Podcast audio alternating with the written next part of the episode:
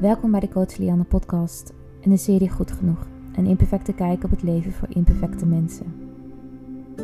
Deze serie is voor iedereen die familie en relaties probeert te navigeren, die trauma probeert te navigeren na de gebeurtenissen uit het verleden, probeert te navigeren in een maatschappij die geworteld is in trauma en emotionele onbeschikbaarheid. Ik help mensen hun verleden te begrijpen. Ik zet hen in hun kracht en leer hen te vertrouwen op het feit dat zij nieuwe skills kunnen aanleren om oude patronen te doorbreken. Om hun zenuwstelsel en hun brein van traumasymptomen te helen, zodat zij nieuwe patronen kunnen creëren die constructief zijn en niet alleen voor zichzelf, maar ook voor de generatie die na hen komt. Onze familiepatronen eindigen niet op miraculeuze wijze bij onze achttiende. Trauma hield zichzelf niet. Traumasymptomen gaan niet zomaar weg. De tijd hield niet alle wonden. Maar weet dat het nooit te laat is om opnieuw te beginnen. Je bent niet alleen. Je bent niet alleen in jouw drama, in de pijn die je op dagelijkse basis ervaart de emoties die je moeilijk vindt om te verwerken. En weet dat jouw familie, jouw verleden en jouw trauma jou niet definiëren.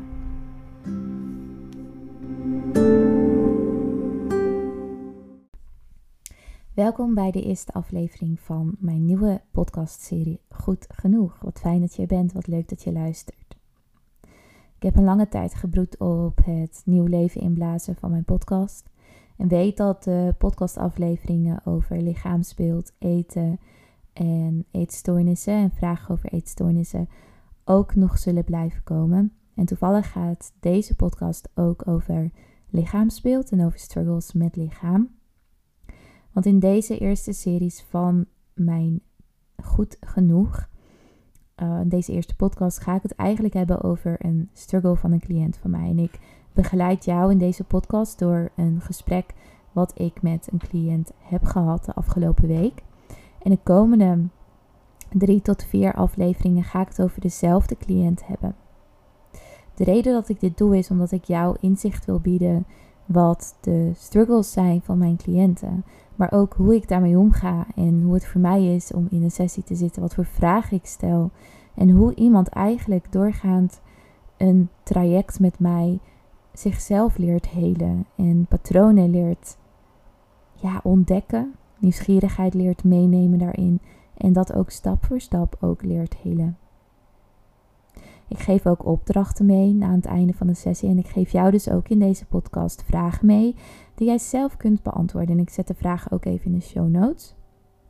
En daarnaast kun jij ook een werkboek gratis downloaden naar aanleiding van de komende podcasts. Dus je gaat dit werkboek kunnen invullen uh, de komende tijd naar aanleiding van deze podcast. Oké. Laten we beginnen met uh, de eerste er cliënt en het leren kennen van de eerste cliënt. Ik heb natuurlijk de naam veranderd en ik heb ook om toestemming gevraagd van de cliënt dat ik dit mocht delen. Dus helemaal oké. Welkom bij deel 1. Monica wil een mooie lichaam.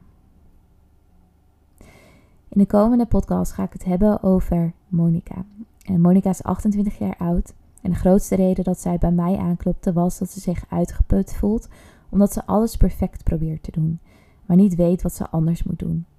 Ze overleeft als een vrouw in een cultuur welke hyper gefocust is op schoonheid, uiterlijk en lichaamsgrootte. Het is maandagmiddag en ik neem plaats achter mijn laptop net voordat mijn Zoom-sessie met Monica start. Ik zorg ervoor dat mijn laptop en telefoon op het niet storen staan, dat ik een glas water naast mij heb staan en mijn aantekeningen van de vorige sessie naast mij heb liggen. Ik heb altijd het idee dat ik moet haasten terwijl ik de hele dag thuis ben geweest.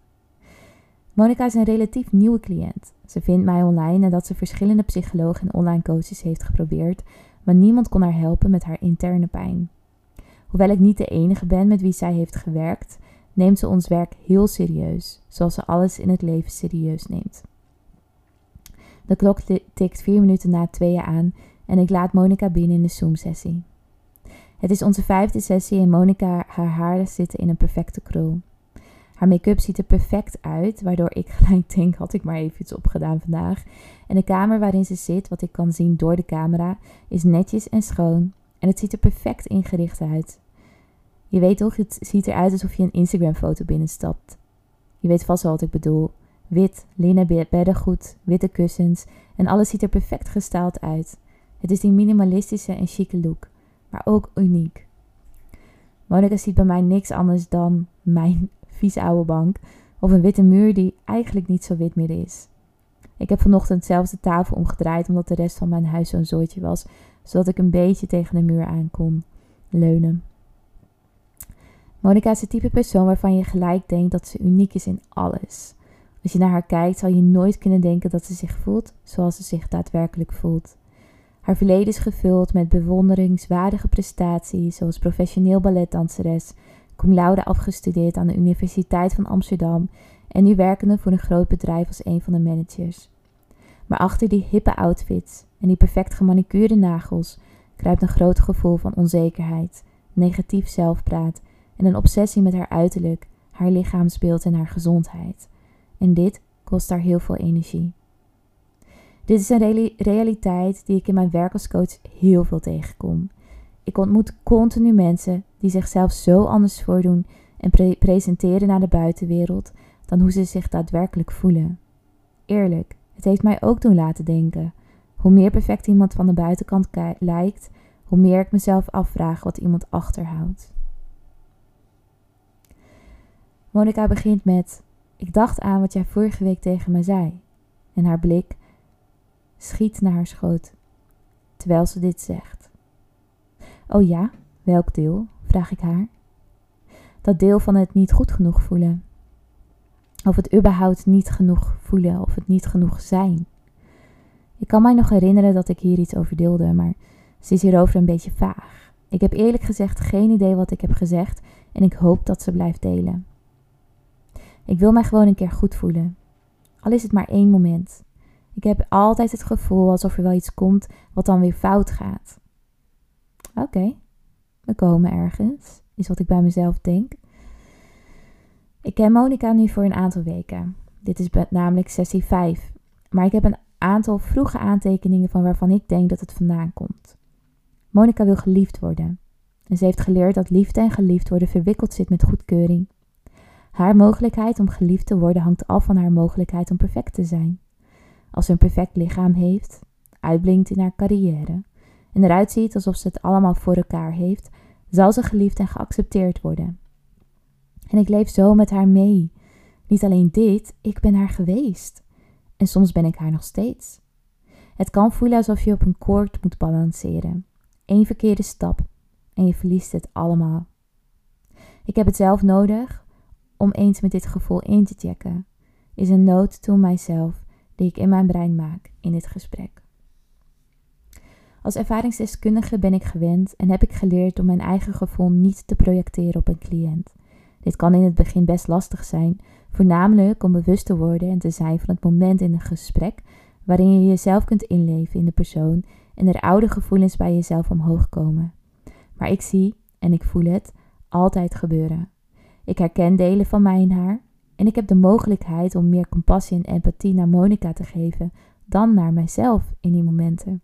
En dat is een mooie bewustwording voor mezelf in dit gesprek. En dit is eigenlijk niet wat je leert in een opleiding of een cursus, maar in de praktijk gaan er momenten komen als professional dat je een cliënt voor je hebt zitten die jou herinnert aan jezelf. Hoe je precies de dingen zegt tegen hen die jij nodig hebt om tegen jezelf te zeggen. En op dit moment weet ik dat ik hier even op moet gaan letten. Dat ik de focus op de ervaring van Monica leg en mezelf moet tegenhouden om direct advies te geven hoe ik dit bijvoorbeeld heb gedaan voor mezelf. Zodra ik advies geef vanuit mijn eigen ervaring of überhaupt deel over mijn eigen ervaring, is het nodig dat dit een doel heeft voor Monica. Dat het belangrijk is en nodig is in het gesprek dat ik dit met haar deel. Ik kies ervoor om dit gevoel te gebruiken om te kunnen verbinden met Monica en haar ervaring.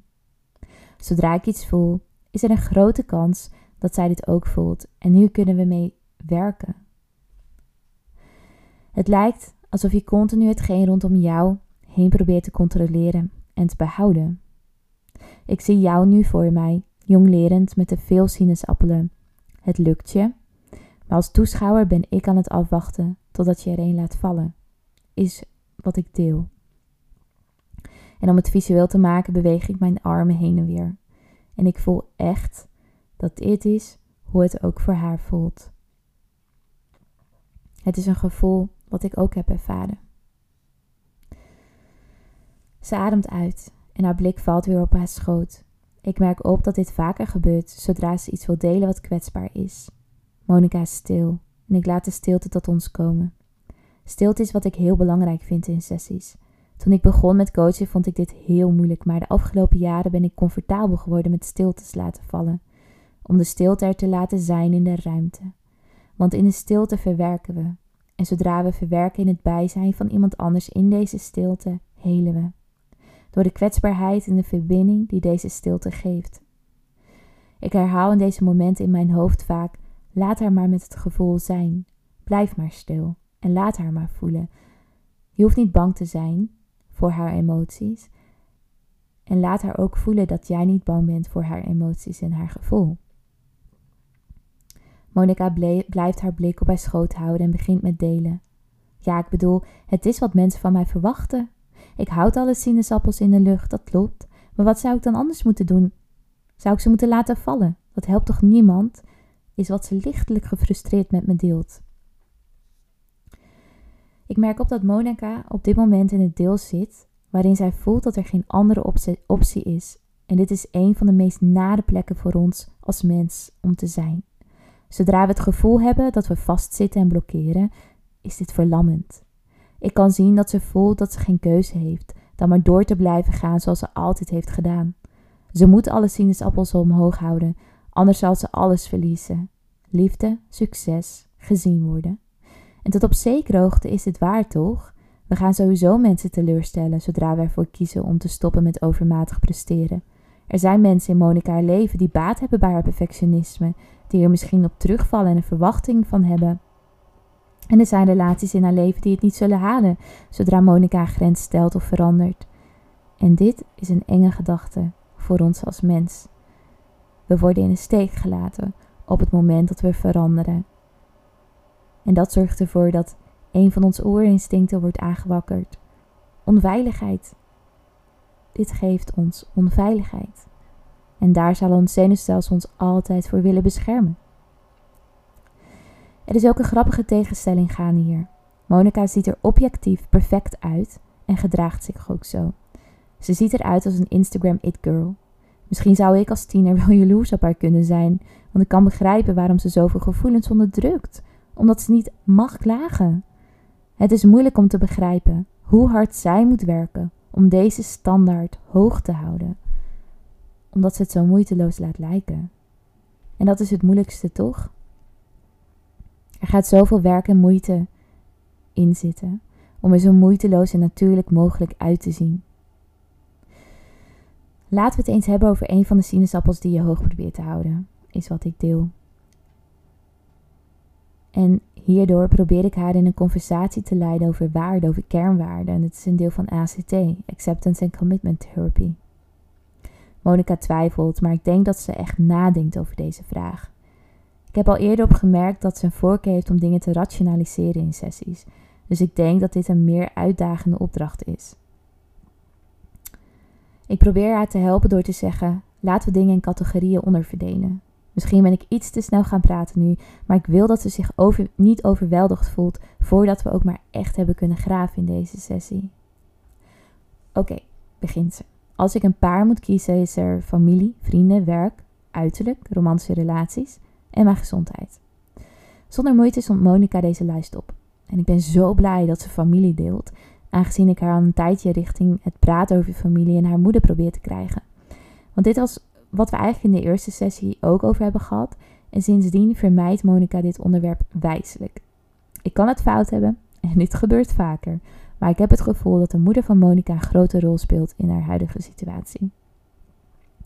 Zullen we beginnen met familie? vraag ik Monica en ze stemt in. En intern voel ik eindelijk een yes. Ze begint gelijk te delen over haar moeder. Oh, dat is een verandering, denk ik bij mezelf, maar let's go. En zoals het stereotype psycholoog in een tv-show vraag ik: zou je hier meer over kunnen delen? En hoe voelt dat voor jou?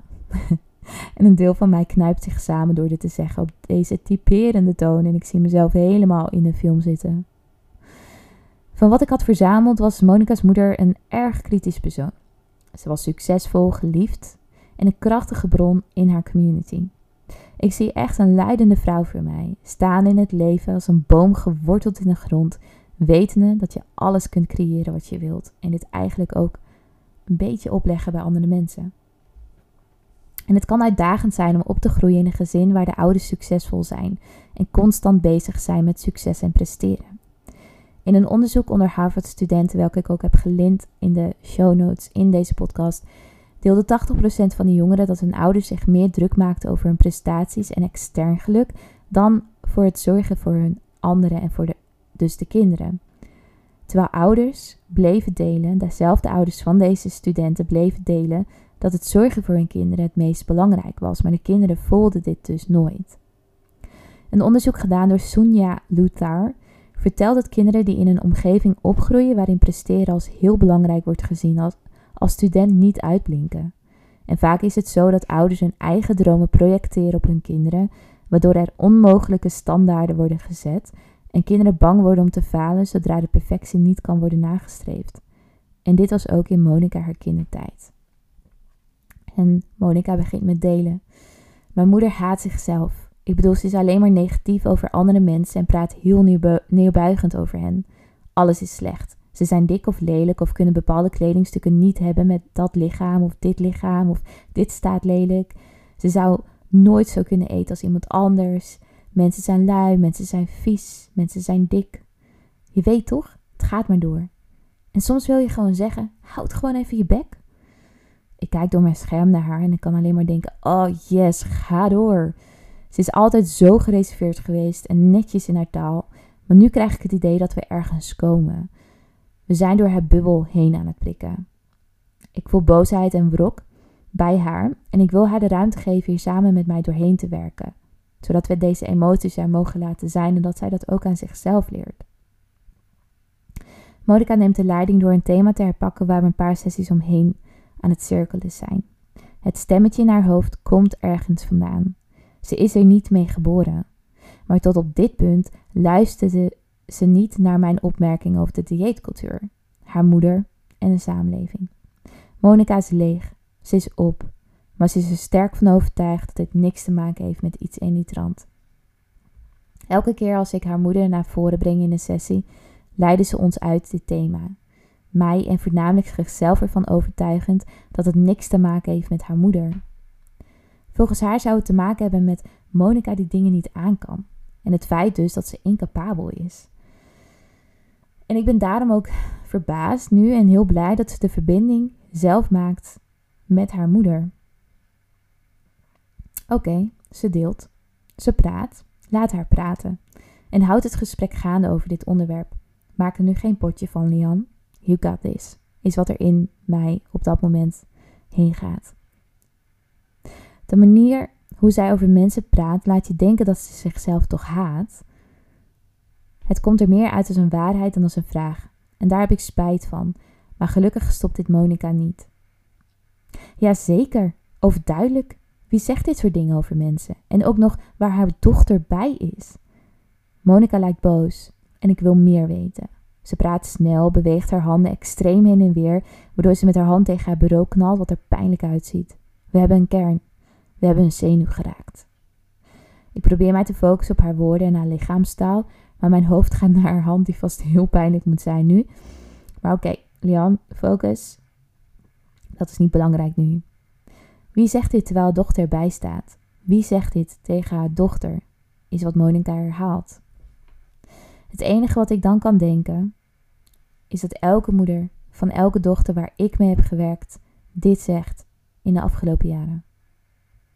Ik heb zoveel verhalen gehoord van dochters en moeders die samen gingen diëten om de band tussen beiden te verdiepen.